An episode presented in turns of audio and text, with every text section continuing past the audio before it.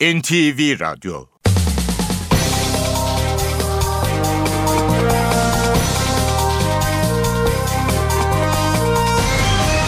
İşe Giderken Mutlu sabahlar, iyi haftalar. Ben Aynur Altunkaş. Bugün 20 Ocak Pazartesi. Saat 9'a kadar Türkiye ve dünya gündemine birlikte yakından bakacağız. Ayrıntılara geçmeden önce başlıklarla başlayalım. Adana Valiliği jandarma ekiplerinin durdurup arama yaptığı 3 tırla ilgili açıklama yaptı. Araçlarda rutin görevlerini yerine getiren Milli İstihbarat Teşkilatı personelinin bulunduğu belirtildi.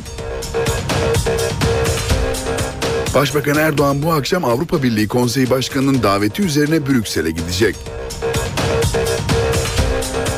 Cumhuriyet Halk Partisi Genel Başkanı Kemal Kılıçdaroğlu 17 Aralık operasyonunun Türkiye için milat olduğunu söyledi. 30 Mart seçiminde demokratik yollardan hesap soracağız dedi. Milliyetçi Hareket Partisi Genel Başkanı Devlet Bahçeli siyasi anketlerle kamuoyunun yönlendirilmeye çalışıldığını savundu. Başbakan Erdoğan'a paralel devleti açıkla diye seslendi. Gazeteci Hrant Dink öldürülüşünün 7. yılında törenlerle anıldı. İstanbul'da binlerce kişinin katıldığı anmada Dink cinayetinde rolü olan herkesin adalet önünde hesap vermesi talebi yinelendi. Sinema ve dizi oyuncusu Nejat İşler'in yoğun bakımdaki tedavisi sürüyor. Doktorları siroz hastalığı ilerleyen İşler'in hayati tehlikesi sürüyor dedi. Bu yıl SBS'nin yerine yapılan ilk merkezi yazılı sınavın sonuçları bugün açıklanıyor. Hapis cezası Yargıtay tarafından onanan Fenerbahçe Başkanı Aziz Yıldırım'ın yarın Fransa'dan döneceği açıklandı. Ziraat Türkiye Kupası'nda Galatasaray Medikal Park Antalya Spor'la 1-1 berabere kaldı. İşe giderken gazetelerin gündemi.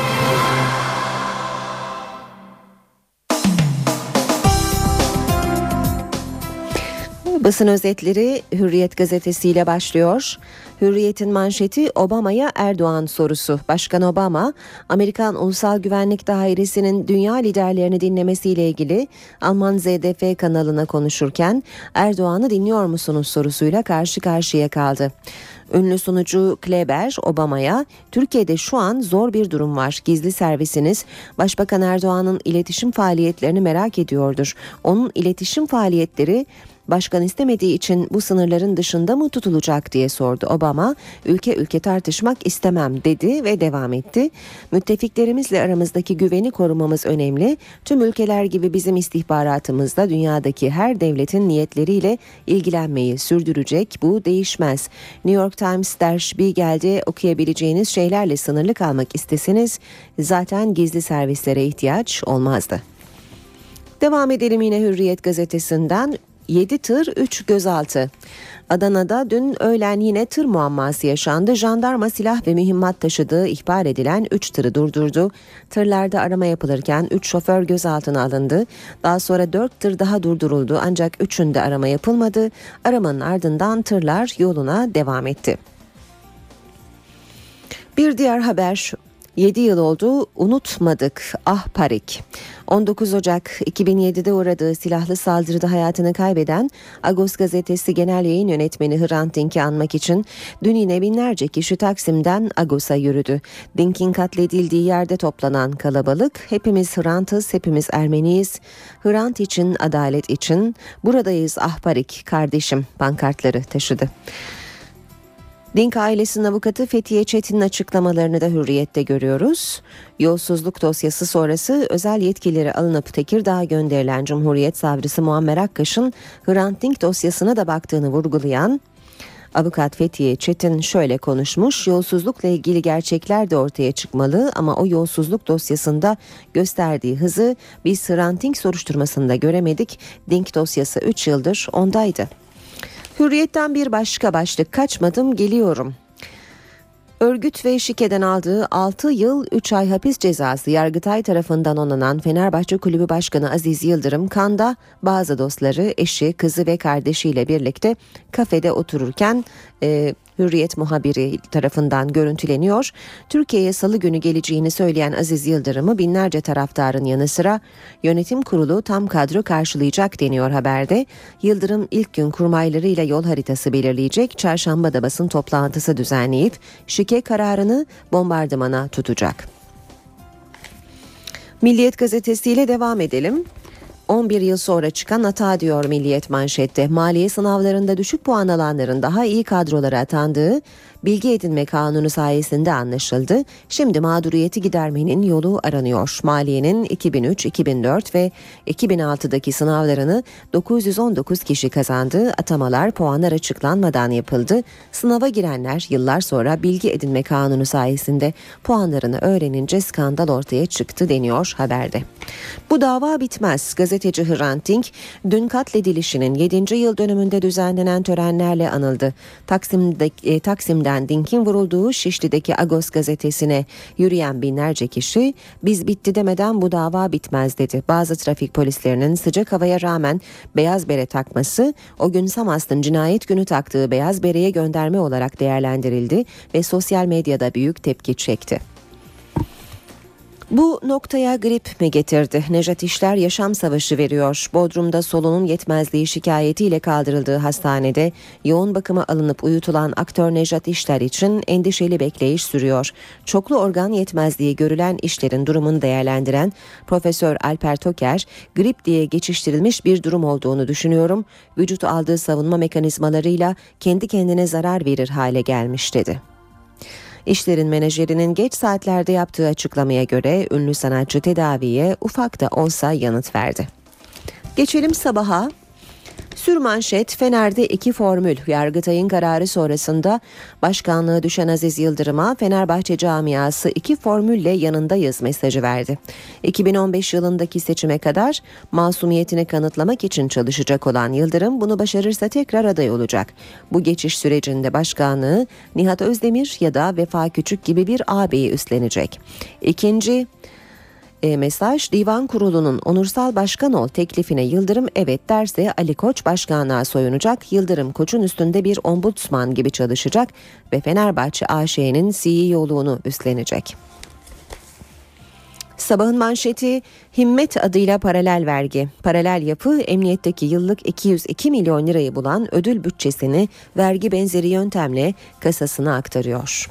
Borsada 46,5 milyar dolar buharlaştı. Başbakan yardımcısı Ali Babacan 17 Aralık operasyonunun yaptığı tahribatı şöyle anlatıyor. Borsada 17 Aralık'tan sonraki 5 haftalık sürede halka açık şirketlerin toplam değeri 46 milyar 542 milyon dolar düştü. Faizler de %0,98 arttı. Koskoca devlet bir savcının bir grup polisin hükümeti hedef almasını seyredemez gereği mutlaka yapılır. Devam ediyoruz basın özetlerine radikalle. Roboski'ye şafak baskını diyor radikal manşette. Sınırdaki tel örgüyü protesto eden Uludereli köylülere sabah baskını yapıldı. Jandarma iki köyü çevirip saat 4'te evlere girdi. Gülyazı ve Orta Su köylerindeki ev aramasına köylüler yoğun tepki gösterdi. Katliamdan sağ kurtulan Servet Encü dahil 7 kişi gözaltına alındı. Diyarbakır Barosu Başkanı Tahir Elçi, Roboskililer fiili ve hukuki cenderede dedi. CHP'li İlhan Cihaner, Avrupa İnsan Hakları Mahkemesi'nin toplu aramaları insan hakkı ihlali saydığını hatırlattı. Yarsav Başkanı Murat Aslan hukukla açıklanabilecek bir durum yok yorumunu yaptı. Geçelim Star gazetesine paralel ihanet diyor Star manşette. Yargıdaki paralel yapı hükümeti zor durumda bırakmak için yine Suriye'ye yardım taşıyan tırlara operasyon yaptı. Adana valisi MIT görevini yapıyor dedi tırlar yola devam etti. Bir diğer başlık Star'da varil bombasıyla çocuk katliamı. Esad ordusu Halep'in Al Maysar semtinde varil bombalarıyla yine katliam yaptı. Çoğu kadın ve çocuk en az 60 kişi hayatını kaybetti. Yüzlerce yaralı sahra hastanelerine kaldırıldı. Zaman gazetesine bakalım. Zamanda manşet aktörler değişse de yöntem aynı.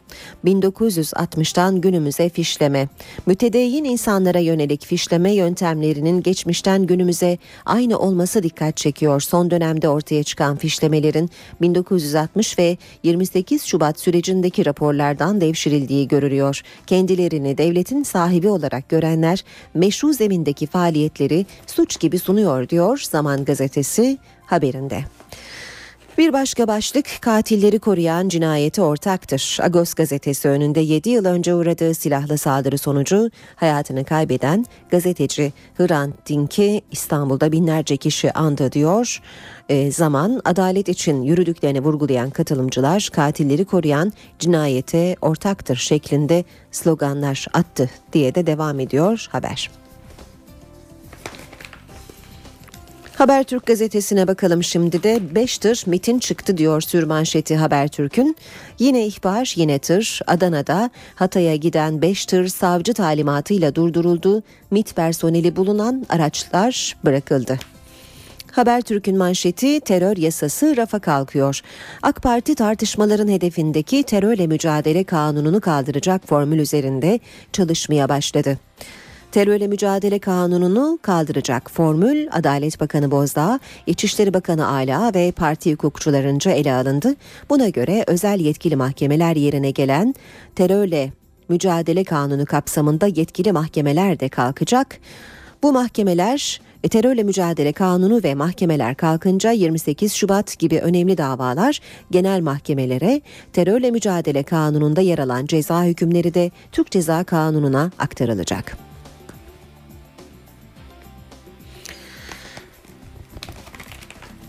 Yeni Şafak gazetesiyle devam edelim. Bunun adı vatana ihanet diyor Yeni Şafak manşette. Paralel yapı Ankara'nın talimat ve uyarılarına rağmen Suriyeli muhaliflere yardım götüren MIT tırlarını deşifre etti. Suriye'nin görüşüleceği Cenevre 2 konferansından önce Türkiye'yi teröre yardım eden ülke gibi göstermek isteyen örgüt Hatay'dan sonra Adana'da düğmeye bastı. Ankara'nın sevkiyat devlet sırrı uyarılarını aldırmayan jandarma bölge komutanı ve savcı MIT'e ait 3 tırda arama yaptırdı. MIT personeli gözaltına alınmak istendi deniyor haberde. Cemaat kimliğini kaybetti. Hükümeti hedef alan 17 Aralık sürecini Yeni Şafak'a değerlendiren Alev Alatlı'nın bu sözü başlıkta e, Alatlı, cemaat Allah rızası için kalkışılan hayırhah bir hareket vasfını yitirirken Fethullah Hoca bilge bir mürşit olmak niteliğini kaybetti, bilge din adamı kimliğini kaybetti diyor Alev Alatlı. Hemen yanında Erdoğan milli olduğu için hedef oldu başlığını görüyoruz. Sosyolog yazar Profesör Vedat Bilgin 7 Şubat'tan 17 Aralık sürecine paralel yapının Türkiye'nin bölgedeki etkinliğinden rahatsız olan uluslararası sistemle işbirliği yaptığını söyledi. Bilgin başbakanın hedef olmasının sebebi milli olmasıdır dedi. Ve Cumhuriyet'le bitirelim basın özetlerini. 7 tırlık kriz diyor Cumhuriyet manşette. Silah yüklü ihbarıyla 7 tır durduruldu. MIT'in kontrolündeki 3 araç aranmadı. Silah yüklü olduğu ihbar edilen 3 tır dün Adana Gaziantep otoyolunun Ceyhan gişelerinde jandarma tarafından durdurulduğu brandaları açılan tırların ilk incelemesinin ardından 3 şoför kelepçelenerek gözaltına alındı. 2 tırda silah ve mühimmat çıktığı öne sürüldü. Daha sonra durdurulan 4 tırdan 3'ünün aranmasına izin verilmedi.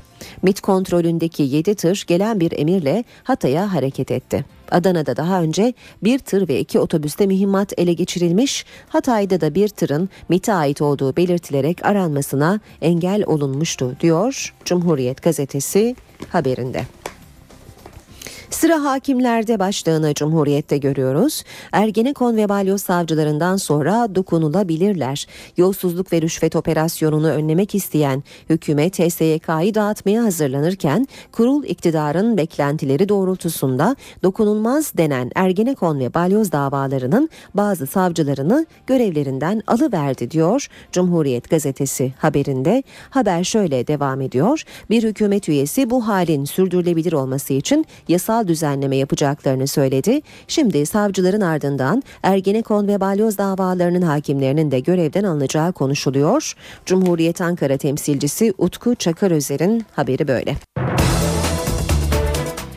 Saat 7.20 işe giderken de gündeme yakından bakmaya başlayalım. Başbakan Tayyip Erdoğan Avrupa Birliği Konseyi Başkanı'nın daveti üzerine bugün Brüksel'e gidecek. Başbakanın temaslarında ana gündem maddeleri 17 Aralık operasyonu sonrasında yaşanan gelişmeler olacak. Türk vatandaşlarına vize serbestisi de bir diğer gündem maddesi. Başbakan Recep Tayyip Erdoğan 5 yıl aradan sonra Brüksel yolcusu. 17 Aralık operasyonu sonrası gelişmelerle HSYK düzenlemesinin gündeme gelmesi bekleniyor. 20-21 Ocak tarihlerinde gerçekleşecek ziyaret kapsamında Başbakan, Avrupa Birliği Konseyi Başkanı Herman Van Rompuy, Avrupa Komisyonu Başkanı Jose Manuel Barroso ve Avrupa Parlamentosu Başkanı Martin Schulz'la bir araya gelecek.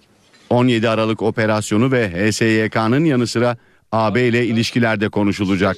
Dönem başkanlığı Avrupa Birliği yetkilileri HSYK'da yapılması planlanan değişikliklerin Avrupa Birliği müktesebatına uygun olması yönündeki beklentilerini başbakana iletecek. Başbakan da Kıbrıs'ta çözümsüzlükten Rum yönetiminin sorumlu olduğunu ve müzakere başlıklarının bloke edilmesinin kabul edilemez olduğunu dile getirecek. Ziyaret kapsamında gündemde olması beklenen bir diğer konu Avrupa'ya vize serbestisi. Başbakan bu konuda AB'den hızlı hareket edilmesini isteyecek. Adana'da jandarma ekipleri 3 tırı durdurarak arama yaptı. Adana Valiliğinden yapılan açıklamada araçlarda Milli İstihbarat Teşkilatı'nın rutin görevini yerine getiren personelin bulunduğu belirtildi. Jandarma Adana Gaziantep Karayolu üzerinde 3 tırı durdurdu. Adana Valiliği Cumhuriyet Savcılığı'nın talimatıyla yapılan kontrollerde tırların MIT'e ait olduğunun anlaşıldığını belirtti. Açıklamada söz konusu personelin gerekli inceleme sonrasında görevlerini yerine getirmek üzere kontrol noktasında ayrıldıkları belirtildi. Hakimler ve Savcılar Yüksek Kurulu'nun yapısını değiştiren kanun teklifi yarın Meclis Genel Kurulu'nda ele alınacak. CHP, MHP ve BDP muhalefet şerhlerinde teklifin yargıyı siyasallaştıracağı görüşüne yer verdi. Görüşmelerin cuma gününe kadar devam etmesi bekleniyor. Adalet Komisyonu'nun 7 gün 55 saat süren gergin mesaisi tamamlandı. Hakimler ve Savcılar Yüksek Kurulu'nun yapısını değiştiren kanun teklifi genel kurula geliyor. Düzenleme salı günü genel kurulda görüşülecek. Komisyon görüşmelerinde 8 maddesi çıkarılan 44 maddelik kanun teklifi önce anayasaya uygunluk yönünden Anayasa Komisyonu'nda görüşülecek. Ardından da temel kanun olarak iki bölüm halinde genel kurulda ele alınacak. Görüşmeler cuma günü de devam edecek. CHP, MHP ve BDP HSYK teklifine ilişkin muhalefet şerhlerini de tamamladı. CHP teklifle yargı erkinin yürütmenin güdümüne sokulacağını, kuvvetler ayrılığı ve mahkemelerin bağımsızlığı ilkelerinin ihlal edildiğini savunuyor. MHP'nin muhalefet şerhinde bu kanun teklifi yolsuzluk soruşturmasının derinleşmesinin önlenmesi ve yargı erkinin mevcut siyasi iktidar tarafından kontrol altına alınması amacıyla sunulmuştur ifadeleri yer aldı. BDP'de teklifle yargı tarafından verilecek hükümlerin hukuka uygunluğunun sorgulanacağı ve yargının siyasallaşacağı görüşünde. Peki günlerdir tartışılan kanun teklifleri neler getiriyor? Teklifle hakimler ve savcılar hakkında soruşturma açma yetkisi Adalet Bakanı'na veriliyor. Teftiş Kurulu başkan ve başkan yardımcılarını atama yetkisi de Adalet Bakanı'nda olacak. Teklifin yasalaşmasıyla Hakim ve Savcılar Yüksek Kurulu tarafından çıkarılan genelgelerin tümü uygulamadan kalkacak. Adalet Bakanı Bekir Bozdağ, Hakimler ve Savcılar Yüksek Kurulu'nun yapısının anayasayla değiştirilmesi gerektiği görüşünde ısrarlı. TRT'ye konuşan Adalet Bakanı, kurulun yapısının hesap verebilirlik durumundan uzak olduğunu söyledi. Bozdağ, yeniden yargılama ve af tartışmalarını da değerlendirdi. HSK defterinin Türkiye'de kısa vadede kapatılacağına ben pek ihtimal vermiyorum. Çünkü bir anayasa değişikliği yapılmadan bu konudaki tartışmalar bitmeyecektir. Adalet Bakanı Bekir Bozdağ, Hakimler ve Savcılar Yüksek Kurulu'nun yapısının anayasayla değiştirilmesi gerektiği yönündeki görüşünü yineledi. Adalet Komisyonu'nda kabul edilen düzenlemenin tatmin edici olmadığını söyleyen Bozdağ, HSYK hesap verilebilirlik durumda gereken yerde değil ifadesini kullandı. Bozdağ TRT'ye konuştu. Gündeminde yeniden yargılama tartışmaları da vardı. Adalet Bakanı çalışmaların devam ettiğini bildirdi. Şu anda arkadaşlar bu konu üzerinde çalışmaları yürütüyorlar. Çünkü e, özel bir düzenleme Anayasa Mahkemesi yaptığınızda bunun Anayasa Mahkemesi boyutu var. Geçmişte yapılmış bazı düzenlemeler Anayasa Mahkemesi tarafından iptal edilerek genele şamil oldu ve öngörülemeyen sonuçlar ortaya çıktı. O yüzden biz önümüzü gören bir adım atmak istiyoruz. Bozda af tartışmalarına da yanıt verdi. Öncelikle afla ilgili bir çalışmamız yok. Böyle bir düşüncemiz de yok. Onun altını özellikle çizmek isterim. Böyle bir tartışma e, Türkiye'ye bir fayda getirmez. Başbakan Erdoğan İstanbul'da yerel seçim mesaisindeydi. Erdoğan ilçe adaylarının belirlendiği toplantıya başkanlık etti. Toplantı çıkışında da atanamayan öğretmenlerin şikayetlerini dinledi. AK Parti'de ilçe belediye başkan adaylarını belirleme çalışmaları devam ediyor. Başbakan Recep Tayyip Erdoğan hafta sonu boyunca AK Parti İstanbul İl Başkanlığı'nda düzenlenen toplantılara başkanlık etti. Cumartesi günü 10 saat süren toplantı pazar günü de 7 saat boyunca devam etti. Toplantıya İstanbul Büyükşehir Belediye Başkanı Kadir Topbaş, İzmir Büyükşehir Belediye Başkan adayı Binali Yıldırım ve AK Parti Genel Başkan Yardımcısı Süleyman Soylu da katıldı. Başbakan Erdoğan çalışmaların tamamlanması halinde adayların pazar günü açıklanacağını söylemişti ancak bir açıklama yapılmadı. Başbakan Erdoğan akşam saatlerinde il başkanlığından ayrılırken atama bekleyen bir grup öğretmen adayı kendisine seslendi. Grubun yanına giden Erdoğan öğretmen adaylarının taleplerini dinledi. Öğretmen adayları Şubat ayında 10 bin atama yapılacağını belirterek bunun 40 bin olmasını istedi. Başbakan Erdoğan ise bütçe şartları ve ihtiyaçlar doğrultusunda bu mümkün değil. Şubat'ta 10 bin atama yapılacak, Haziran ayında yeni atamalar olacak dedi. İstanbul'daki çalışmaların ardından Başbakan Erdoğan Ankara'ya gitti. CHP Genel Başkanı Kemal Kılıçdaroğlu 17 Aralık operasyonu ile ilgili eleştirilerini Balıkesir'de sürdürdü. CHP lideri operasyonun Türkiye için milat sayılması gerektiğini söyledi. 30 Mart seçiminde demokratik yollardan hesap soracağız dedi. 17 Aralık Türkiye'nin tarihinde bir dönüm noktasıdır. Kimse bu tarihi unutmasın. CHP Genel Başkanı Kemal Kılıçdaroğlu Balıkesir'de aday tanıtım toplantısında konuştu. 17 Aralık operasyonu üzerinden başbakana ve hükümete yüklendi. Rüşvet ve yolsuzluk diktatörlük rejimlerinde olur. Kul hakkı yiyeni affetmeyeceğiz. 30 Mart'ta demokratik yollardan bunun hesabını soracağız. CHP lideri Başbakanın katıldığı İmam Hatip liselerinin kuruluş yıl dönümü etkinliğini hatırlattı. İmam Hatip okulları ile ilgili bir tören düzenleniyor. İmamlar çağrılmış. Müftüler orada. İmam Hatip öğrencileri orada. Cumhuriyet Halk Partisi'ni yuvalatıyor. Ya bunlar yarın camide cemaate vaaz verirken ne diyecekler? Kılıçdaroğlu Diyanet İşleri Başkanı Mehmet Görmez'e de seslendi. 17 Aralık'tan bu yana Türkiye Cumhuriyeti tarihinin en büyük rüşvet ve yolsuzluk operasyonu yapıldı. Bekliyorum. Diyanet İşleri Başkanı konuşacak mı acaba? MHP Genel Başkanı Devlet Bahçeli yerel seçim programı için İstanbul'daki gezilerine devam etti. Konuşmalarında sık sık hükümeti eleştirdi. Bahçeli Başbakan Erdoğan'a seslendi, paralel devlet kimdir diye sordu. MHP Genel Başkanı Devlet Bahçeli yerel seçim programı için İstanbul'daydı. Devlet Bahçeli Küçükçekmece'deki mitingde bazı kamuoyu araştırma şirketlerinin siyasi anketlerle kamuoyunu yönlendirmeye çalıştığını savundu.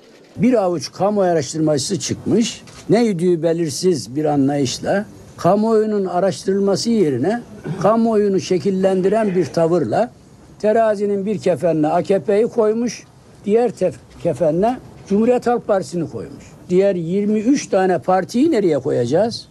Bahçeli konuşmasında Başbakan Recep Tayyip Erdoğan'ı eleştirdi, paralel devlet ifadesine değindi. Bu paralel devlet kimdir? Kendisini yıkmaya çalışan iç ve dış odaklar kimlerdir? Demokratik açılım zırvasıyla Güneydoğu Anadolu'da bölünmeye niyetli olan PKK'lılar mıdır? Yoksa senin dışında irade olarak milletin evlatlarının gelecekteki şekillenmesi midir? Kimdir bu paralel devlet? Kimdir seni yıkan? MHP lideri HSYK düzenlemesinin ve yeniden yargılama konusunun gündem değiştirme çabası olduğunu iddia etti. Bu tasarı meclise geldiği andan itibaren tekmeler, küfürler, saldırılar, mecliste yaşanmamış olaylar yaşanır hale gelmiştir. Ve milletin dikkatini meclisteki bu kutuplaşmaya, kavgaya çekmiştir. Adana Valiliği jandarma ekiplerinin durdurup arama yaptığı 3 tırla ilgili açıklama yaptı. Araçlarda rutin görevlerini yerine getiren Milli İstihbarat Teşkilatı personelinin bulunduğu belirtildi. Başbakan Erdoğan bu akşam Avrupa Birliği Konseyi Başkanı'nın daveti üzerine Brüksel'e gidecek. Cumhuriyet Halk Partisi Genel Başkanı Kemal Kılıçdaroğlu 17 Aralık operasyonunun Türkiye için milat olduğunu söyledi. 30 Mart seçiminde demokratik yollardan hesap soracağız dedi. Milliyetçi Hareket Partisi Genel Başkanı Devlet Bahçeli siyasi anketlerle kamuoyunun yönlendirilmeye çalışıldığını savundu. Başbakan Erdoğan'a paralel devleti açıkla diye seslendi. Gazeteci Hrant Dink öldürülüşünün 7. yılında törenlerle anıldı. İstanbul'da binlerce kişinin katıldığı anmada Dink cinayetinde rolü olan herkesin adalet önünde hesap vermesi talebi yinelendi. Sinema ve dizi oyuncusu Nejat İşler'in yoğun bakımdaki tedavisi sürüyor. Doktorları siroz hastalığı ilerleyen İşler'in hayati tehlikesi sürüyor dedi. Bu yıl SBS'nin yerine yapılan ilk merkezi yazılı sınavın sonuçları bugün açıklanıyor. Hapis cezası Yargıtay tarafından onanan Fenerbahçe Başkanı Aziz Yıldırım'ın yarın Fransa'dan döneceği açıklandı. Ziraat Türkiye Kupası'nda Galatasaray Medikal Park Antalya Spor'la 1-1 berabere kaldı. Gündemin öne çıkan haberlerine yakından bakmaya devam edelim. Türkiye Büyük Millet Meclisi'nde güvenlik önlemleri arttırılıyor. Mecliste bomba imha ekibi görev alacak, sarayların güvenliği de polise geçiyor. Asker saraylardan çıkacak, sarayların güvenliğini polis sağlayacak. Türkiye Büyük Millet Meclisi'ne bomba imha ekibi kurulacak. Meclis Başkanlık Divanı önemli güvenlik maddelerinde yönetmelik değişikliğine gitmeyi planlıyor. İlk düzenleme sarayların güvenliğine ilişkin. Asker daha önce mecliste olduğu gibi milli sarayların güvenliğini polise bırakacak. Yönetmelik değişikliğiyle mecliste güvenlik önlemlerinin artırılması da öngörülüyor. Bu kapsamda ilk olarak meclis kampüsü içerisinde görev yapacak bir bomba imha timi kurulacak. Meclis giriş kapılarına çipli kart sistemi kurulması ve güvenlik kameralarının sayısının artırılması alınması planlanan önlemler arasında. 2011 yılında 34 kişinin hayatını kaybettiği Uludere'de iki köyde arama yapıldı. Operasyonda 7 kişi gözaltına alındı. Zanlılar gece serbest bırakıldı. Aramanın çarşamba günü çıkan olaylarda kaybolan bir silahın bulunması amacıyla yapıldığı belirtiliyor. Şırnak Uludere'ye bağlı iki köyde arama yapıldı. Jandarma Orta Su ve Gülyazı köylerine operasyon düzenledi. Aramanın Irak sınırına yapılan güvenlik yolu gerekçe gösterilerek düzenlenen protestoda bir askere ait silahın kaybolması nedeniyle yapıldığı belirtildi. 4 saat süren operasyonda iki köydeki bazı evler arandı. Aramaların ardından 7 kişi gözaltına alınarak jandarma komutanlığına götürüldü. Zanlılardan 3'ü savcılıkça, 4'ü de mahkemeye çıkarıldıktan sonra salı verildi. Zanlılardan ikisi hakkında adli kontrol kararı verildi. İki köyde yapılan aramanın arkasında Uludere'de çarşamba günü düzenlenen bir eylem olduğu belirtiliyor. Eylem sırasında asker taşıyan bazı araçlar tahrip edildi. Jandarmanın müdahale ettiği olayda bir kişi yaralandı. Bir askere ait silahın da bu olaylar sırasında kaybolduğu ifade edildi. Silahlı saldırıda hayatını kaybeden gazeteci Hrant Dink 7. ölüm yıl dönümünde İstanbul'da düzenlenen törenlerle anıldı. Binlerce kişinin katıldığı anmada Dink cinayetinde rolü olan herkesin adalet önünde hesap vermesi talebi bir kez daha seslendirildi. Binlerce kişi 7 sene önce Agos gazetesi önünde vurularak öldürülen Hrant Dink için Taksim'de buluştu. Ardından Agos gazetesine yüründü. Ahmet Kaya'nın eşi Gülten Kaya, Rakel Dink'le birlikte balkonda kalabalığı selamladı ve bir konuşma yaptı. Adalet yere düştüğünde insanlık hangi pusulayla bulur yönünü? Hrant Dink suikastinin tetikçisi o gün Samast 22 yıl 10 ay, azmettirici Yasin Hayal müebbet hapis cezasına çarptırıldı. Polisle de bağlantılı olan Erhan Tuncel, örgüt yöneticiliği ve azmettiricilikten önce beraat etti ancak Yargıtay kararı bozunca tutuklandı. Dink ailesinin avukatları cinayetten haberdar olduğunu düşündükleri üst makamlarında yargı önüne çıkmasını istiyor. E, yapılması gereken bu soruşturmanın ta en başından yeniden ele alınarak yeniden e, görülmesidir ve devletin istihbarat örgütündeki bütün arşivler savcılara açılmalıdır. Ama bu konuda görev yapacak savcılar da her türlü şaibeden e, uzak olmalıdır. 17 Aralık operasyonlarının ardından yargıdaki depremin Dink davasının seyrini nasıl etkileyeceği de merak konusu. Agos gazetesi genel yayın yönetmeni Robert Koptaş, adalet için halka güvendiklerini söyledi. Bu 7 yılda epeyce umutlandık ama aynı zamanda epeyce hayal kırıklığına uğradık. Herhangi bir konjonktürel iktidar kavgasından da herhangi bir adalet beklentimiz yok. Çünkü bu cinayette devlet içinde hiçbir güç, odağı veya kavga eden hiçbir iktidar odağı temiz değil. Onların kavgasından da adalet çıkmayacaktır. Muğla'nın Bodrum ilçesinde rahatsızlanarak hastaneye kaldırılan sinema ve dizi oyuncusu Nejat İşler'in yoğun bakımdaki tedavisi sürüyor. Doktorlar hayati tehlike devam ediyor açıklaması yaptı. İşler'in yakınları ve dostları da hastanedeydi. Aynı dilden konuşan insanlar yan yana geliyorlar. Oyuncu Nejat İşler yoğun bakımda. Doktorlarına göre sağlık durumu ciddiyetini koruyor. Nejat İşler'e bir süre önce siroz teşhisi konuldu. Sanatçı sağlık durumunun bozulması üzerine 17 Ocak Cuma günü hastaneye kaldırıldı. Hemen yoğun bakıma alındı. Nejat İşler'in septik şok geçirdiği belirlendi. Karaciğer enfeksiyonu nedeniyle solunum yetmezliği belirlendi. Hastaneden yapılan açıklamada ünlü oyuncunun hayati tehlikesinin devam ettiği bildirildi. Nejat İşler'i hastanede dostları yalnız bırakmadı. Yok durumu bilmiyoruz yani öğrenmeye geldik. Nasıl durumu şu anda? İyiye de gitmiyor, kötüye de gitmiyor. Evet. Hepinizin dualarını istiyoruz. Duruşu olan e, sanatçı bir insandı. Toplumun bir adım önünde olan insandı. İşe giderken.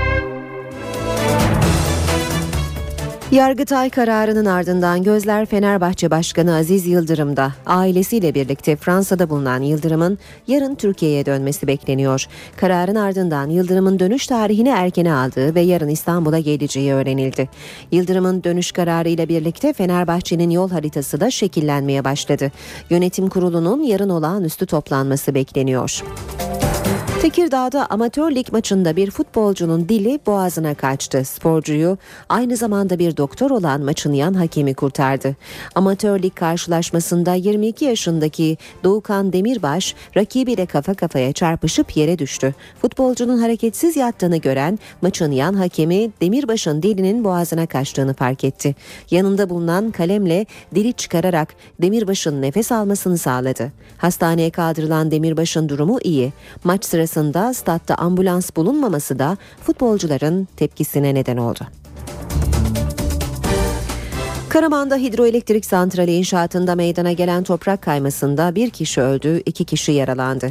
Saat 20 sıralarında Karaman merkeze bağlı Bucak Kışla beldesindeki santral inşaatında toprak kayması oldu. Üç işçi arkadaşlarının yardımıyla toprak altından çıkarıldı.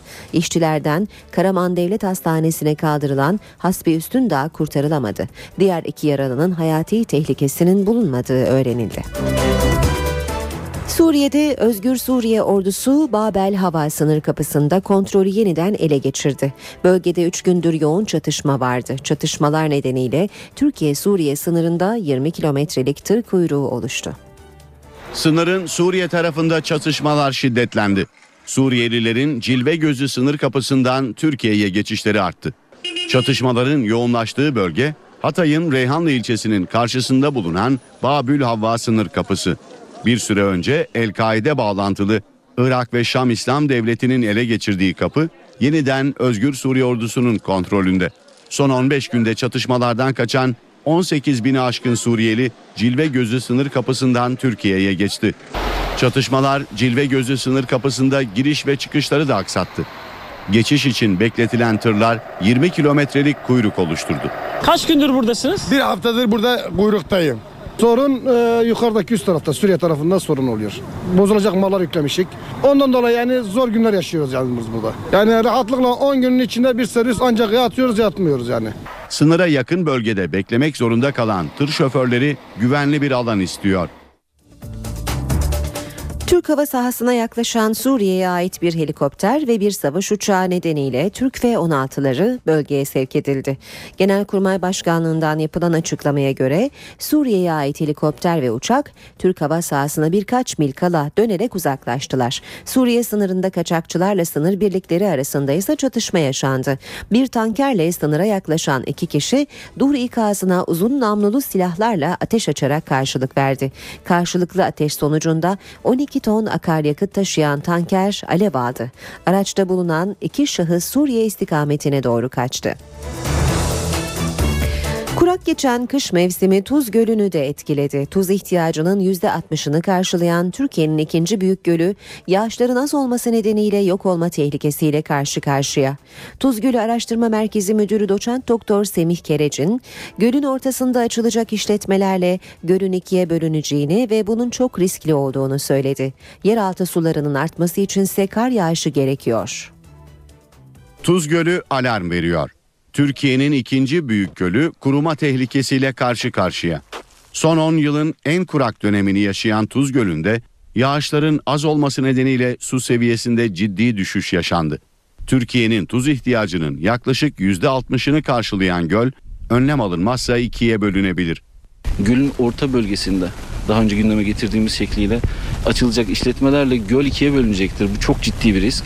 Nitekim şu anda 3 adet işletmeye ilave olarak 2011 yılında başlayan 5 adet yeni işletme açıldı Boğaz Gölün tam Boğaz kısmında. Diğer bir sıkıntı ise gölü besleyen yeraltı sularının azalması. 2014 yılı Şubat-Mart ayları için tahminimiz bilemiyoruz tabii ki. Ee, ancak bu şekliyle devam ederse çok ciddi bir risk imkanı var. Ocak ayı, Şubat, Mart aylarındaki kar yağışlarıdır. Bu su rezervini, toprağı besleyecek olan, yeraltı sularını besleyecek olan, gölü besleyecek olan asıl su kaynağı, bölgemizin ihtiyacı olan budur.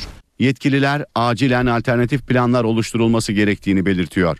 Alınacak alternatif önlemlerle kuraklığın önüne geçilebileceği belirtildi. Orman ve Su İşleri Bakanı Veysel Eroğlu barajlardaki son durumu değerlendirdi. Kuraklık tehlikesinin bulunmadığını belirten Eroğlu, vatandaşlarımız rahat olsun yağışlar geliyor dedi. Bu hafta e, çarşamba, perşembe günleri yağış gelecek. Dolayısıyla vatandaşımız rahat olsun. Türkiye genelinde aynı şekilde mi? Türkiye genelinde de zaten bu yağışlar geliyor yani. Bir problem yok. Türkiye genelinde de zaten, Türkiye genelinde de İnşallah normal yağışlar geleceğini tahmin ediyoruz. Ocak, Şubat, Mart aylarında normal uzun yıllar ortalamasında bir yağışı geleceğini bekliyoruz. Yağışlar sadece biraz gecikti ama gelecek. İşe giderken gazetelerin gündemi.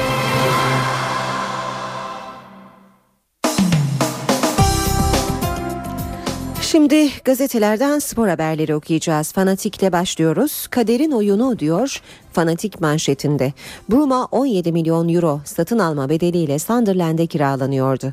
Sporting Lisbon'dan 10 milyon euroya alınan ancak yabancı kontenjanı nedeniyle fazla şans bulamayan Bruma Premier Lig'e gitmeye hazırlanıyordu. Tokat spor maçında yaşadığı sakatlık tüm planları alt üst etti. Bir diğer başlık Antalya'da kardeş payı. Galatasaray Türkiye Kupası B grubunda ikinci maçına Antalya deplasmanında çıktı. Cimbom 43'te penaltıdan Selçuk İnan'la öne geçti. Mancini'nin öğrencileri galibiyet için dakikaları sayarken Diarra'nın 89'da gelen golüyle şok yaşadı. İki takım da mücadeleden birer puanla ayrıldı.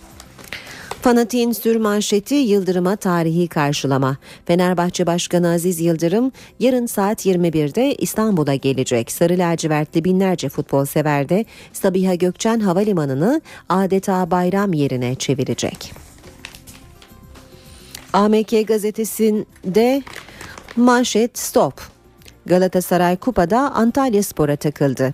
Türkiye Kupası'na Tokat Spor zaferiyle başlayan Aslan Antalya deplasmanında durdu. Cimbom 44'te Selçuk'un penaltısıyla öne geçti. Ev sahibi 89'da Diarra ile güçlü rakibinden bir puan aldı. Beşik, Başkan Aysal'ın gönlünde yatan gizli aslan Ceko diyor AMK. Galatasaray Başkanı'nın en büyük hayali iki yıldır peşinde olduğu boşnak golcüye sarı kırmızılı formayı giydirebilmek. Teles Antep maçında sahada. Sarı Kırmızılıların büyük uğraşlar sonucu transfer ettiği Alex Teles ikinci yarının ilk maçında sahada olacak. Hafta içinde sezonu kapatan Bruma'nın sözleşmesini donduracak yönetim Brezilyalı Yıldız'a lisans çıkartacak. Mancini'nin Gaziantep maçında Sambacı'ya şans vermesi bekleniyor. Fotomaçla devam edelim. Ne kaçması salı günü dönüyorum. Aziz Yıldırım Fransa'dan mesaj gönderdi. Yargıtay'ın 6 yıl 3 aylık hapis cezasını onadığı Aziz Yıldırım yarın Türkiye'ye döneceğini açıkladı. Eşi ve kızıyla birlikte tatil yaptığı Fransa'nın Cannes kentinde Türk iş adamlarıyla karşılaşan Aziz Yıldırım hem onlarla fotoğraf çektirdi hem de Türkiye'de benim kaçtığımı ve geri dönmeyeceğimi söylüyorlarmış. Ne kaçması salı günü aslanlar gibi İstanbul'dayım açıklamasını yaptı. Cimbom'da Essien zirvesi transfer şampiyonu Galatasaray'ın Chelsea'li Michael Essien'in de peşinde olduğu iddiasına ilişkin e, iddiaların ardı arkası kesilmiyor. İngiliz medyası Chelsea'de forma şansı bulamayan Essien'in kaderinin bu hafta belli olacağını belirtirken Galatasaray'ın 31 yaşındaki oyuncuyu kiralamak istediği vurgulandı. Essien Drogba'nın yanına gidebilir ifadesinin kullanıldığı haberlerde Ganalı Yıldız'ın menajerinin bu hafta Galatasaray ile görüşeceği kaydedildi. Finişte kaza Galatasaray Antalya'da son dakikada şok yaşadı diyor Fotomaç gazetesi de. Zaccardo yola çıkıyor. İtalyan Sky Sports kanalı Beşiktaş'a imza atmak için Türkiye'den haber bekleyen Christian Zaccardo'nun bugün Milan'a vedalaşacağını ileri sürdü. Haberde geçen sezon başında Milan'a transfer olan 32 yaşındaki stoperin Beşiktaş'a gelmek için alacaklarından vazgeçtiği ve iki tarafında bu anlaşmadan çok memnun olduğu bildirildi.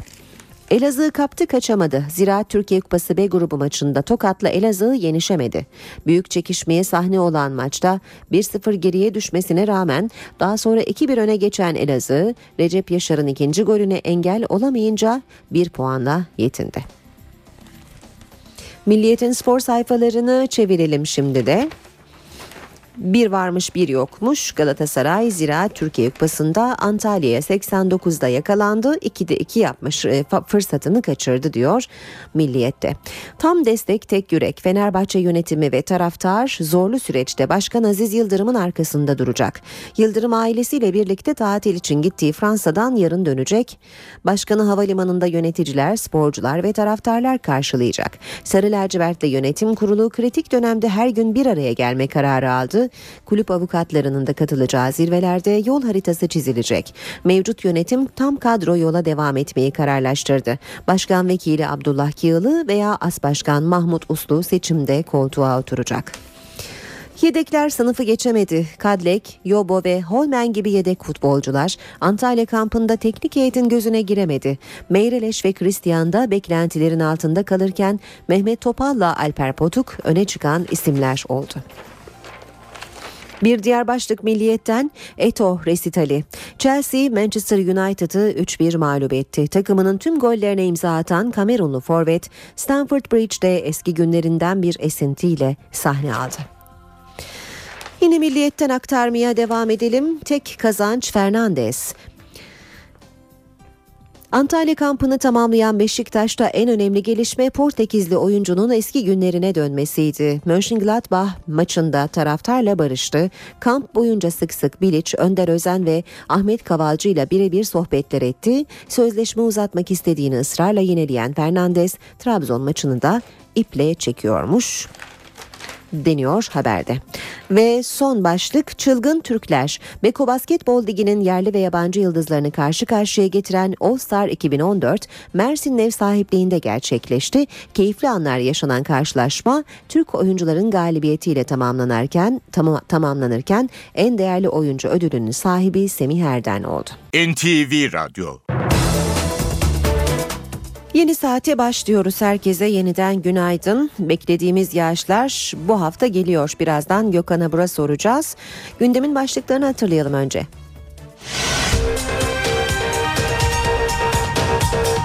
Adana Valiliği jandarma ekiplerinin durdurup arama yaptığı 3 tırla ilgili açıklama yaptı. Araçlarda rutin görevlerini yerine getiren Milli İstihbarat Teşkilatı personelinin bulunduğu belirtildi. Başbakan Erdoğan bu akşam Avrupa Birliği Konseyi Başkanı'nın daveti üzerine Brüksel'e gidecek. Cumhuriyet Halk Partisi Genel Başkanı Kemal Kılıçdaroğlu 17 Aralık operasyonunun Türkiye için milat olduğunu söyledi. 30 Mart seçiminde demokratik yollardan hesap soracağız dedi. Milliyetçi Hareket Partisi Genel Başkanı Devlet Bahçeli siyasi anketlerle kamuoyunun yönlendirilmeye çalışıldığını savundu. Başbakan Erdoğan'a paralel devleti açıkla diye seslendi. Gazeteci Hrant Dink öldürülüşünün 7. yılında törenlerle anıldı. İstanbul'da binlerce kişinin katıldığı anmada Dink cinayetinde rolü olan herkesin adalet önünde hesap vermesi talebi yinelendi.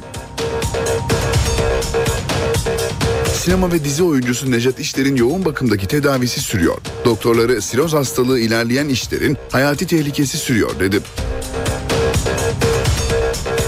Bu yıl SBS'nin yerine yapılan ilk merkezi yazılı sınavın sonuçları bugün açıklanıyor.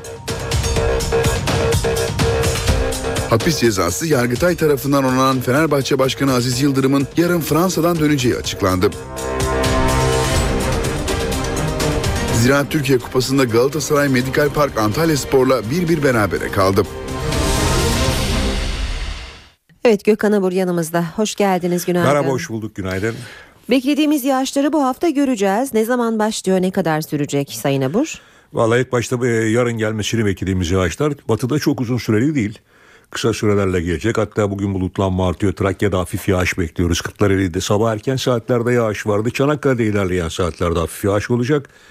Ülke genelinde yağış yok ama şu an itibariyle sis, pus devam ediyor. Doğuda yine ayaz var. Ama sıcaklıklar iç kesimlerde yer yer mevsim ortalamalarından 7-8 derece üzerinde. Hatta dün Antalya'da denize girenler vardı. Çünkü 20 dereceyi geçmiş sıcaklık.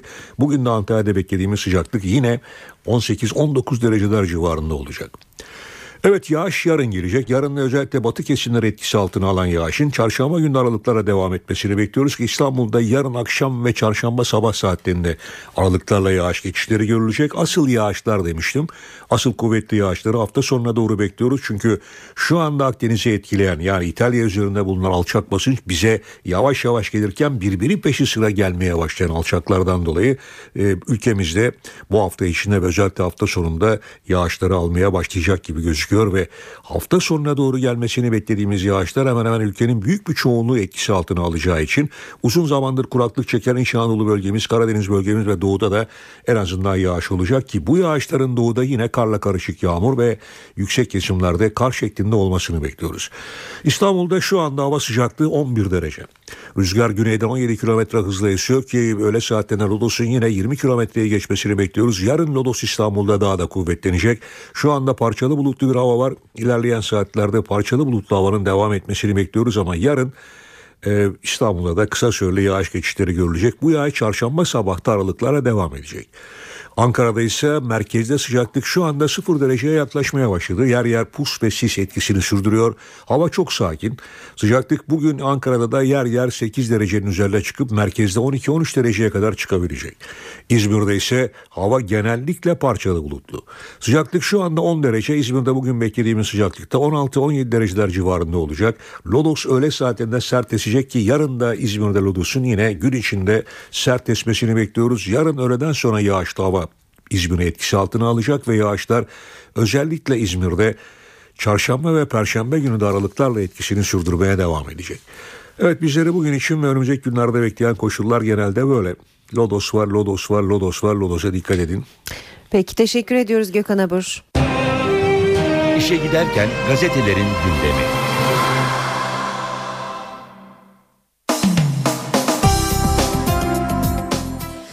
Basın özetlerine Hürriyet gazetesiyle başlayalım. Bu bölümde Obama'ya Erdoğan sorusu diyor Hürriyet manşette. Başkan Obama, Amerikan Ulusal Güvenlik Dairesi'nin dünya liderlerini dinlemesiyle ilgili Alman ZDF kanalına konuşurken Erdoğan'ı dinliyor musunuz sorusuyla karşı karşıya kaldı.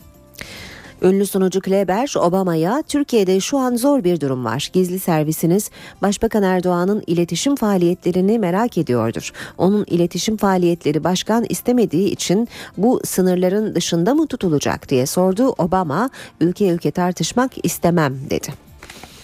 Devam edelim manşet turuna. Milliyete bakalım. 11 yıl sonra çıkan hata diyor Milliyet manşette. Maliye sınavlarında düşük puan alanların daha iyi kadrolara atandığı bilgi edinme kanunu sayesinde anlaşıldı. Şimdi mağduriyeti gidermenin yolu aranıyor. Maliyenin 2003, 2004 ve 2006'daki sınavlarını 919 kişi kazandı. Atamalar puanlar açıklanmadan yapıldı. Sınava girenler yıllar sonra bilgi edinme kanunu sayesinde puanlarını öğrenince skandal ortaya çıktı. Örneğin 95 puan alan aday gelir uzman yardımcılığına atanmışken 71 puan alanın ondan daha yüksek bir kadro olan vergi denetmen yardımcısı olarak görevlendirildiği belirlendi. Basın özetlerine devam ediyoruz. Sabah gazetesinin manşetine bakalım. Himmet adıyla paralel vergi. Paralel yapı emniyetteki yıllık 202 milyon lirayı bulan ödül bütçesini vergi benzeri yöntemle kasasına aktarıyor. Sabahın sür manşeti Fener'de iki formül. Yargıtay'ın kararı sonrasında başkanlığı düşen Aziz Yıldırım'a Fenerbahçe camiası iki formülle yanındayız mesajı verdi. Birinci formüle göre 2015 yılındaki seçime kadar masumiyetini kanıtlamak için çalışacak olan Yıldırım bunu başarırsa tekrar aday olacak. Bu geçiş sürecinde başkanlığı Nihat Özdemir ya da Vefa Küçük gibi bir abi üstlenecek. İkinci formül ise şöyle Divan Kurulu'nun onursal başkan ol teklifine Yıldırım evet derse Ali Koç başkanlığa soyunacak. Yıldırım Koç'un üstünde bir ombudsman gibi çalışacak ve Fenerbahçe AŞ'nin CEO'luğunu üstlenecek. Star gazetesi var sırada paralel ihanet diyor Star manşette. Yargıdaki paralel yapı hükümeti zor durumda bırakmak için yine Suriye'ye yardım taşıyan tırlara operasyon yaptı. Adana valisi MIT görevini yapıyor dedi tırlar yola devam etti. Yeni Şafak'ta da benzer bir haber e, başlıkta bunun adı vatana ihanet, paralel yapı Ankara'nın talimat ve uyarılarına rağmen Suriyeli muhaliflere yardım götüren MIT tırlarını deşifre etti demiş Yeni Şafak'ta haberinde. Cumhuriyet'in manşeti ise 7 tırlık kriz silah yüklü ihbarıyla 7 tır durduruldu. MIT'in kontrolündeki 3 araç aranmadı diyor Cumhuriyet haberinde. Radikal'de Roboski'ye şafak baskını başlığını manşette okuyoruz. Sınırdaki tel örgüyü protesto eden Uludereli köylülere sabah baskını yapıldı. Jandarma iki köyü çevirip saat 4'te evlere girdi. Gülyazı ve Orta Su köylerindeki ev aramasına köylüler yoğun tepki gösterdi. Katliamdan sağ kurtulan Servet Encü dahil 7 kişi gözaltına alındı. Diyarbakır Barosu Başkanı Tahir Elçi, Roboskililer fiili ve hukuki cenderede dedi. CHP'li İlhan Cihaner, Avrupa İnsan Hakları Mahkemesi'nin toplu aramaları insan hakkı ihlali saydığını hatırlattı. Yarsav Başkanı Murat Aslan, hukuk, e, hukukla açıklanabilecek bir durum yok yorumunu yaptı. Haber Türkiye bakalım. 5 tır mitin çıktı diyor Habertürk sürmanşette. Yine ihbar yine tır. Adana'da Hatay'a giden 5 tır savcı talimatıyla durduruldu. MIT personeli bulunan araçlar bırakıldı. Habertürk'ün manşeti ise terör yasası rafa kalkıyor. AK Parti tartışmaların hedefindeki terörle mücadele kanununu kaldıracak formül üzerinde çalışmaya e, başladı. Terörle mücadele kanunu ve mahkemeler kalkınca 28 Şubat gibi önemli davalar genel mahkemelere, terörle mücadele kanununda yer alan ceza hükümleri de Türk Ceza Kanunu'na aktarılacak. Zaman gazetesiyle bitirelim manşet turunu. Aktörler değişse de yöntem aynı. 1960'tan günümüze fişleme. Mütedeyyin insanlara yönelik fişleme yöntemlerinin geçmişten günümüze aynı olması dikkat çekiyor. Son dönemde ortaya çıkan fişlemelerin 1960 ve 28 Şubat sürecindeki raporlardan devşirildiği görülüyor. Kendilerini devletin sahibi olarak görenler meşru zemindeki faaliyetleri suç gibi sunuyor demiş Zaman haberinde. NTV Radyo Saat 8.17 NTV Radyo'da işe giderken de birlikteyiz. Başkent gündemi için şimdi karşımızda NTV muhabiri Özgür Akbaş var. Özgür günaydın. Günaydın Aynur. Yeni bir haftaya başlıyoruz. Başbakan Erdoğan Brüksel yolcusu neler aktaracaksın bize başkentten? Geride bıraktığımız haftaya Hakimler ve Savcılar Yüksek Kurulu'nun yapısını değiştiren kanun teklifi damgasını vurdu. O kanun teklifinin bu haftanın da en önemli gündem maddesi olması bekleniyor. Çünkü o kanun teklifi yarın eğer bir sürpriz gelişme olmazsa mecliste genel kurulda ele alınmaya başlanacak. AK Parti yasayı temel kanun olarak iki bölüm halinde genel kurul görüşmelerinde ele almayı amaçlıyor. Ama dediğim gibi bir sürpriz gelişme olmazsa çünkü kanun teklifinin geçtiği Adalet Komisyonu'nda o 7 gün 55 saatlik mesainin ardından kanun teklifinin geçmesinin hemen ardından bir teşekkür konuşması yapmıştı Adalet Bakanı Bekir Bozdağ ve Bozdağ muhalefet partilerine bir kez daha çağrı yapmış ve anayasa değişikliğine gitmek gerektiğini ifade etmişti. İşte bu konuda yeni bir adım atılır mı bu merak konusu. Bu arada bu teklifle ilgili bugün Anayasa Komisyonu toplanıyor. Aslında iş tüzük gereği komisyonun toplandığını söyleyelim. Muhalefetten 9 milletvekili HSYK kanun teklifinin Adalet Komisyonu'na gelmesiyle birlikte bu başvuruyu yapmıştı ve teklifin öncelikle Talih Komisyon Anayasa Komisyonu'nda ele alınmasını istemişti. Ancak teklif Anayasa Komisyonu'nda geçen hafta ele alınmadı. Bu kez devreye Meclis Başkanı Cemil Çiçek girdi ve iş tüzük gereği Anayasa Komisyonu'nun toplanması gerektiğini ifade edince e, Anayasa Komisyonu Başkanı Burhan Kuzu bugün saat 15 için e, toplantı saatini açıkladı. Saat 15'te toplanacak komisyon. E, tabii şunu da söyleyelim bugünkü görüşmelerde sadece kanun teklifinin anayasaya uygunluğu ele alınacak e, tabii Anayasa Komisyonu e, tali komisyon olması nedeniyle aslında bir yaptırımı da yok. Bunu da belirtelim. Yani Anayasa Komisyonu'ndan çıkacak bir karar e, Adalet Komisyonu'ndan çıkan kanun teklifini etkilemeyecek. Bunu da söyleyelim ama tabii kanun teklifinin anayasa uygunluğu açısından anayasa komisyonunda ele alınması da oldukça önemli. E, bugün de yine sert tartışmaların komisyonda yaşanması bekleniyor. Geçelim rutin, rutin gündeme. Ankara bugün ve yarın Gürcistan Cumhurbaşkanı Georgi Margvelashvili'yi ağırlayacak. Cumhurbaşkanı Abdullah Gül'ün daveti üzerine gelen konuk Cumhurbaşkanı'nın ikili düzeyde ilk yurt dışı ziyareti olması açısından da önemli olduğunu söyleyelim. Konuk Cumhurbaşkanı e, Abdullah Gül ile görüşmesinin ardından Meclis Başkanı Cemil Çek ve Başbakan Recep Tayyip Erdoğan'la da bir araya gelecek. Geçelim Başbakan Erdoğan'ın programına. Başbakan Erdoğan bugün partisinin seçim kurulu toplantısına katılacak. Artık yerel seçim sürecinde adaylık konusuna bu toplantılarda son noktanın konulması bekleniyor. Başbakan Erdoğan akşam saatlerinde ise Brüksel'e hareket edecek. Erdoğan tam 5 yıl aradan sonra Brüksel yolcusu bunu söyleyelim. Başbakanın temaslarında tabii ana gündem maddesi Türkiye'nin Avrupa Birliği'ne üyelik ve geri kabul anlaşmasının ardından başlatılan vize serbestisi süreci olacak. Ama Erdoğan'ın yapacağı görüşmelerde Türkiye'de yaşanan son gelişmelerin özellikle de 17 Aralık operasyonunun ve Hakimler ve Savcılar Yüksek Kurulu ile ilgili o kanuni düzenlemenin de gündeme gelmesi bekleniyor. Avrupa Birliği yetkililerinin HSK'da yapılması planlanan, planlanan değişikliklerin Avrupa Birliği müktesebatına uygun olması yönündeki beklentilerini Başbakan'a iletmişlerdi. Bu konuda değerlendirmelerde bulunmuşlardı.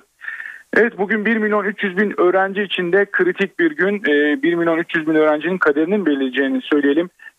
Seviye belirleme sınavı yerine bu yıl ilk kez yapılan temel eğitimden orta öğrenime geçiş sınav sonuçları bugün açıklanacak.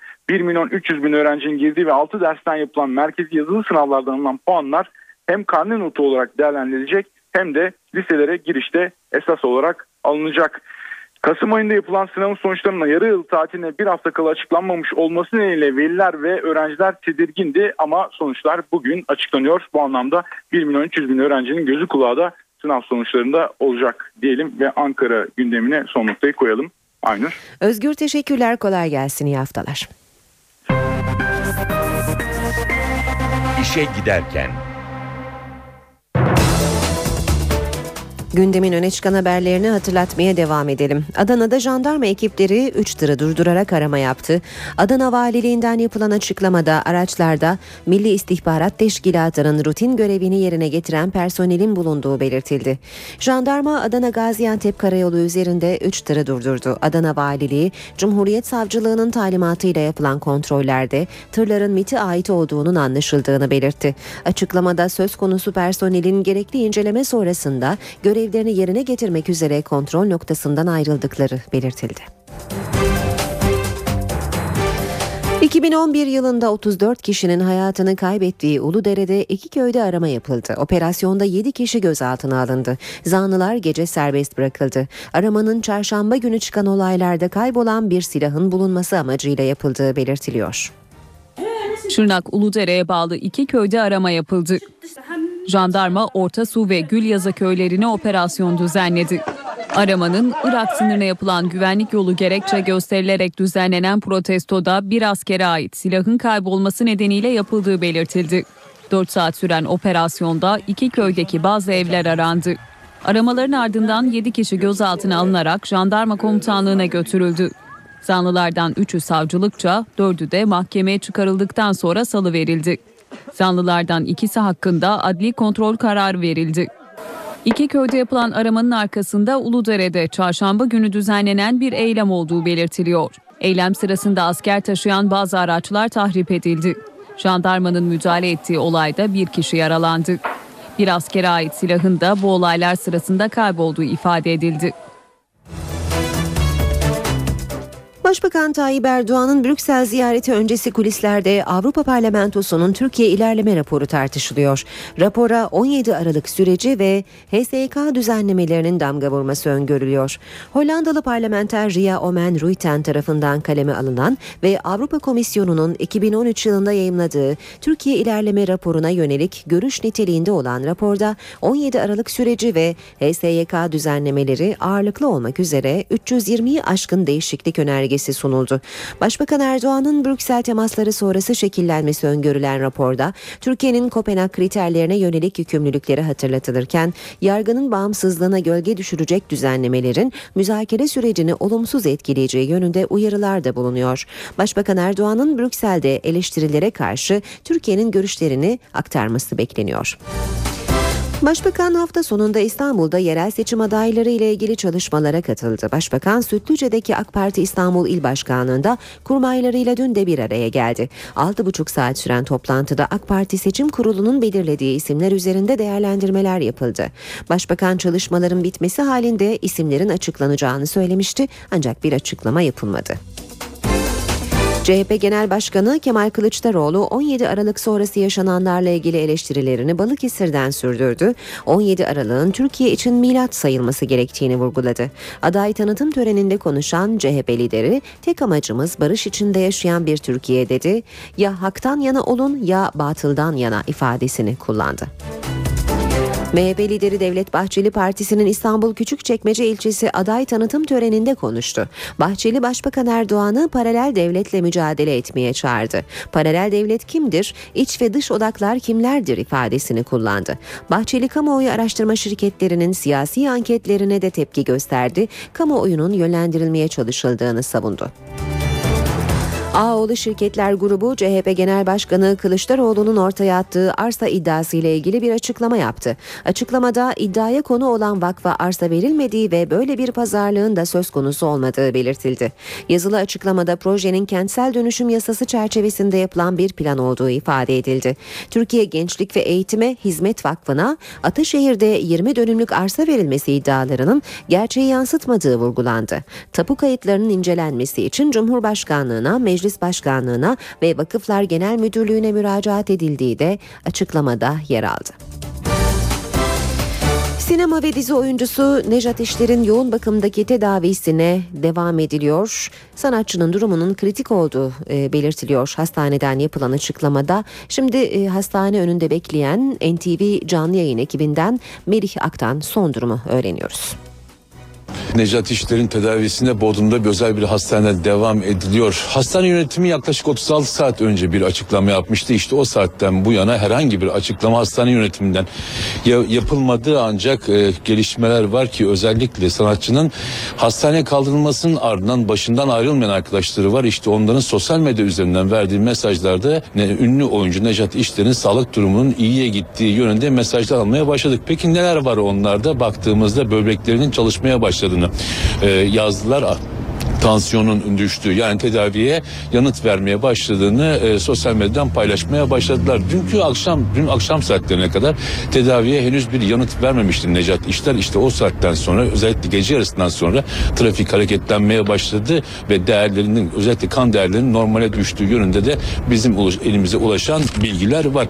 Cuma akşamı e, Gümüşlük'te yaşıyor Necat İşler ki Cuma e, Cuma e, sabaha karşı daha doğrusu e, 0.15'te gece yarısı e, ha, Gümüşlük'teki evinde fenalaştı. Karın ağrısıyla buraya getirildi. Acil serviste yapılan müdahalelere karşın durumu kötüleşti. Bunun üzerine yoğun bakım servisine alındı ve e, Necat İşler uyutuldu. Uyutulması ve solunum cihazına bağlandı. E, septik şok ki e, kan e, hacminin vücuttaki kan hacminin düşmesi olarak kaba tabirle ifade edebiliriz. İşte bu septik şokun özellikle akciğerlerde olumsuz etki yarattı. Diğer organlarda da, da sorunlara yol açtı ki böbrekler, karaciğer e, ve kalp gibi e, önemli yaşamsal fonksiyonel e, organlarında e, soruna yol açtığı hastane yönetimi tarafından yapılan açıklamada duyurulmuştu ve durumunun ciddi olduğu bildirilmişti ki o saatten itibaren hastanenin uzmanları Necat İşler'i birebir takibe aldılar ve o saatten itibaren sürekli hem uyutuldu hem de tedavisine geçmeye çalıştılar.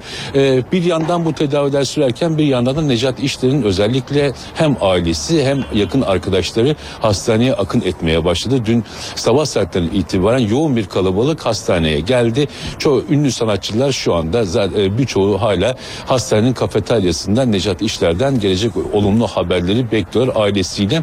Birlikte çok sayıda hayran da buraya geldi. Hayranları da Necat İşler'den e, bilgi almak için sık sık işte bizim e, gazetecilere ve hastane yetkilerine ulaşıp bir şeyler öğrenmeye çalıştılar. Dün öğle saatlerinde öğleden sonra Bolu Belediye Başkanı Mehmet Kocadon da buraya gelmişti. Mehmet Kocadon buraya geldikten sonra yap, e, çıkışında yaptığı açıklamada nakilden İstanbul'a sanatçının e, İstanbul'a naklinden e, bahsetmişti. Bu konunun gündemde olduğunu belirtmişti ki hastane yönetimi de doktorları da bu konuyla ilgili bir toplantı yaptığını biliyoruz. Daha sonra aileyle yapılan görüşmenin ardından Necat işlerinin e, işlerin burada kalması ve burada tedavisinin sürdürülmesine karar verildi. Evet yaklaşık e, üçüncü gündeyiz artık Necat işlerin hastaneye kaldırılışının ve üçüncü günden itibaren yavaş yavaş olumlu sinyaller gelmeye başlıyor. Tabii şu anda e, daha çok erken bununla ilgili bilgileri vermek çünkü hastane yönetiminin önümüzdeki saatlerde resmi bir açıklama yapmasını e, bekliyoruz. E, ondan sonra durum netleşecek ama asıl durum Necat İşler'in uyandırıldıktan sonraki durumuyla birlikte net bir şekilde tablo önümüze çıkacak. Ama şu an gelen bilgiler doğrusuna baktığımızda ünlü oyuncudan olumlu işaretler var. Yaşama tutunuyor ve sevenleri de şu anda hastanenin hastanenin içerisindeki kafeteryada onundan gelecek iyi haberi bekliyor.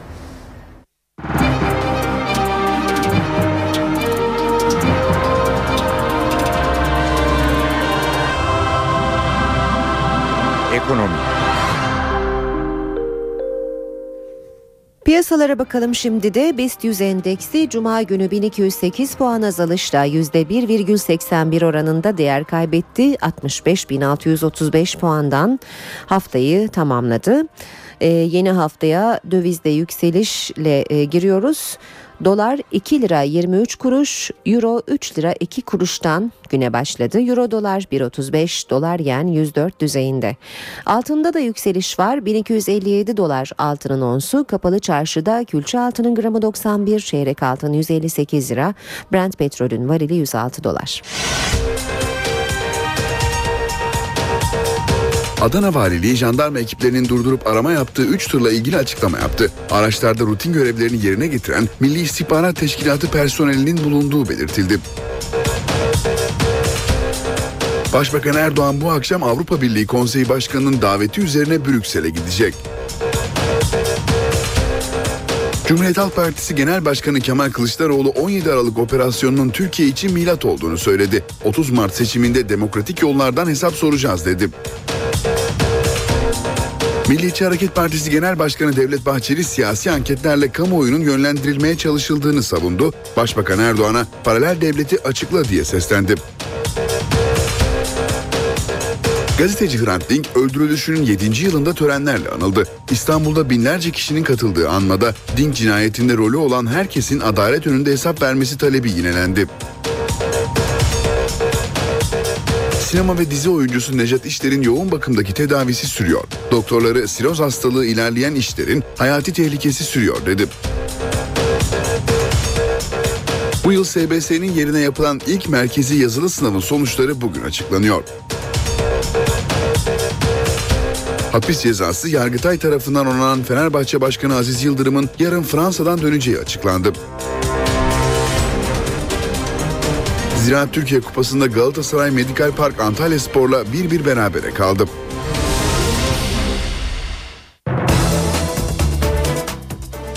Şimdi dünya gündeminden haberlerle devam edelim. Amerika Başkanı Barack Obama'ya konuk olduğu Alman televizyonunda dinleme skandalına ilişkin sorular soruldu. Obama, Türkiye Başbakanı Erdoğan'ı dinliyor musunuz sorusuna net cevap vermekten kaçındı.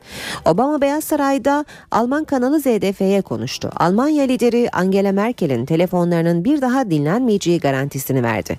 Alman gazeteci Obama'ya NATO üyesi ve müttefikiniz Türkiye zor bir dönemden geçiyor. İstihbaratınız Başbakan Erdoğan'ın telefonlarını dinlemek isteyebilir. Siz istediniz diye dinlemeyecekler mi diye sordu. Obama soruya bu konuyu ülke ülke tartışmak istemiyorum. İstihbarat faaliyetlerimiz tabii ki sürecek. Dünyayı sadece haber dergilerinden takip etmek yeterli olsa tüm ülkeler istihbarat servislerini kapatırdı diyerek yanıt verdi. Mısır'da askeri darbeyle devrilen eski Cumhurbaşkanı Muhammed Mursi'ye yeni suçlamalar yöneltiliyor. Yargı kaynaklarına göre eski Cumhurbaşkanı ile birlikte 25 kişiye yöneltilen suçlama yargıya hakaret. Mursi ile birlikte suçlananlar arasında liberal isimler de var. Bu suçlamayla Mursi'ye dördüncü dava açılmış olacak. Yargının kararı Kahire yönetiminin Müslüman kardeşlere yönelik baskısını sürdürmeyi planladığı şeklinde yorumlanıyor. Suriye Devlet Başkanı Beşar Esad 22 Ocak'ta yapılacak Cenevre 2 konferansı öncesi konuştu. Esad gelecek seçimlerde muhalefetten çıkacak olası adayla rekabete girmeye hazır olduğunu söyledi. Esad Şam'da Rus parlamenterlerle bir araya geldi. Rus parlamenterlere göre Esad gelecekte kimin lider olacağına sadece Suriye halkının seçimler yoluyla karar vereceğini belirtti. Rus milletvekillerinden Alexander Yushenko, Esad görevi bırakmaya niyeti olmadığı ve önümüzdeki seçimler seçimlerde adaylığını koyacağı mesajını verdi dedi. Beşar Esad Suriye'de birçok silahlı aşırı grubun bulunduğuna işaret ederek terörizm tehlikesiyle mücadele için ortak hareket etmenin önemine vurgu yaptı. Ukrayna'da hükümet karşıtı protestoların önüne geçmek için çıkartılan yasaya rağmen on binlerce gösterici yine sokaklardaydı. Parlamento binasına yürümek isteyen göstericiler polis engeliyle karşılaştı ve çatışma çıktı. Gösteriler sonuç verdi. Devlet Başkanı Yanukovic muhalefete partiler arası uzlaşı komisyonu kurulmasını teklif etti. Ukrayna'nın başkenti Kiev'de on binlerce kişi hükümet karşıtı protestoda bir araya geldi. Bağımsızlık meydanında toplanan göstericiler hükümetin izinsiz gösterilerle ilgili getirdiği hapis ve para cezalarına meydan okudu. Barışçıl başlayan protestoda kalabalıktan bir grup parlamento binasına yürümek isteyince gergin anlar yaşandı. Protestocular polise taşlar, sopalar fırlattı, bazı polis araçlarına zarar verdi. Polis de kalabalığı göz yaşartıcı gazla dağıtmaya çalıştı. Muhalif lider eski ağır siklet boks şampiyonu Vitali Klitschko olayları yatıştırmaya çalıştı ancak o da protestoya maruz kaldı. Gösteriler bu kez sonuç verdi. Protestoların hedefindeki isim Devlet Başkanı Viktor Yanukovych, muhalif liderlere partiler arası uzlaşma komisyonu kurmayı önerdi. Tarafların bugün bir araya gelmesi bekleniyor.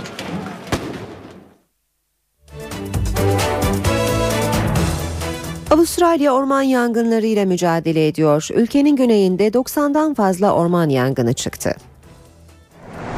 Avustralya'nın en popüler eyaleti ülkenin güneyindeki Yeni Güney Galler orman yangınlarına teslim.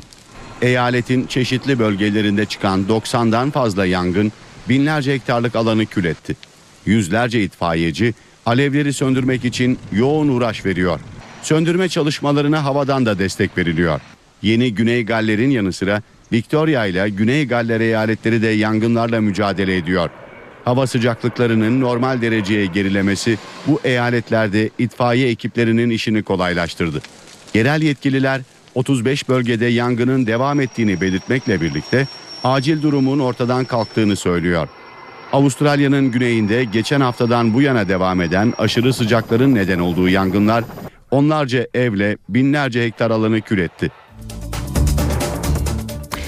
Hollywood Sahne Sanatçıları Birliği ödülleri Los Angeles'ta yapılan bir törenle sahiplerini buldu. Sürpriz yok. Geceye Oscar'a da aday gösterilen American Hustle adlı film damga vurdu.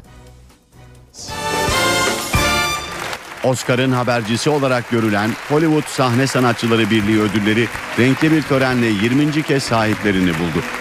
American Hustle. Seçkin oyuncu kadrosuyla Oscar'ın da en büyük adaylarından American Hustle filmi gecenin en önemli ödülü. En iyi toplu performans ödülünün sahibi oldu. Wow, thank you so much. En iyi erkek oyuncu ödülü Dallas Buyers Club, Sınırsızlar Kulübü filminde canlandığı rolle altın küreye de uzanan Matthew McConaughey'e gitti. Kate Blanchett. Blue Jasmine, Mavi Yasemin filmindeki rolüyle en iyi kadın oyuncu dalında altın küreyi kazanan Kate Blanchett da gecede aynı kategoride yine ödüle ulaştı. En iyi yardımcı erkek oyuncu ödülüne Dallas Buyers Club Sınırsızlar Kulübü filminde canlandırdığı karakterle Jared Leto layık görüldü. Jared Leto celebrates his first win and first nomination. Oh my God, thank you. Kenyalı aktris Lupita Nyong'o ise 12 Years a Slave, 12 yıllık esaret filmindeki rolüyle en iyi yardımcı kadın oyuncu ödülünü kazandı. Haberle işe giderken sona erdi. Hoşçakalın. NTV Radyo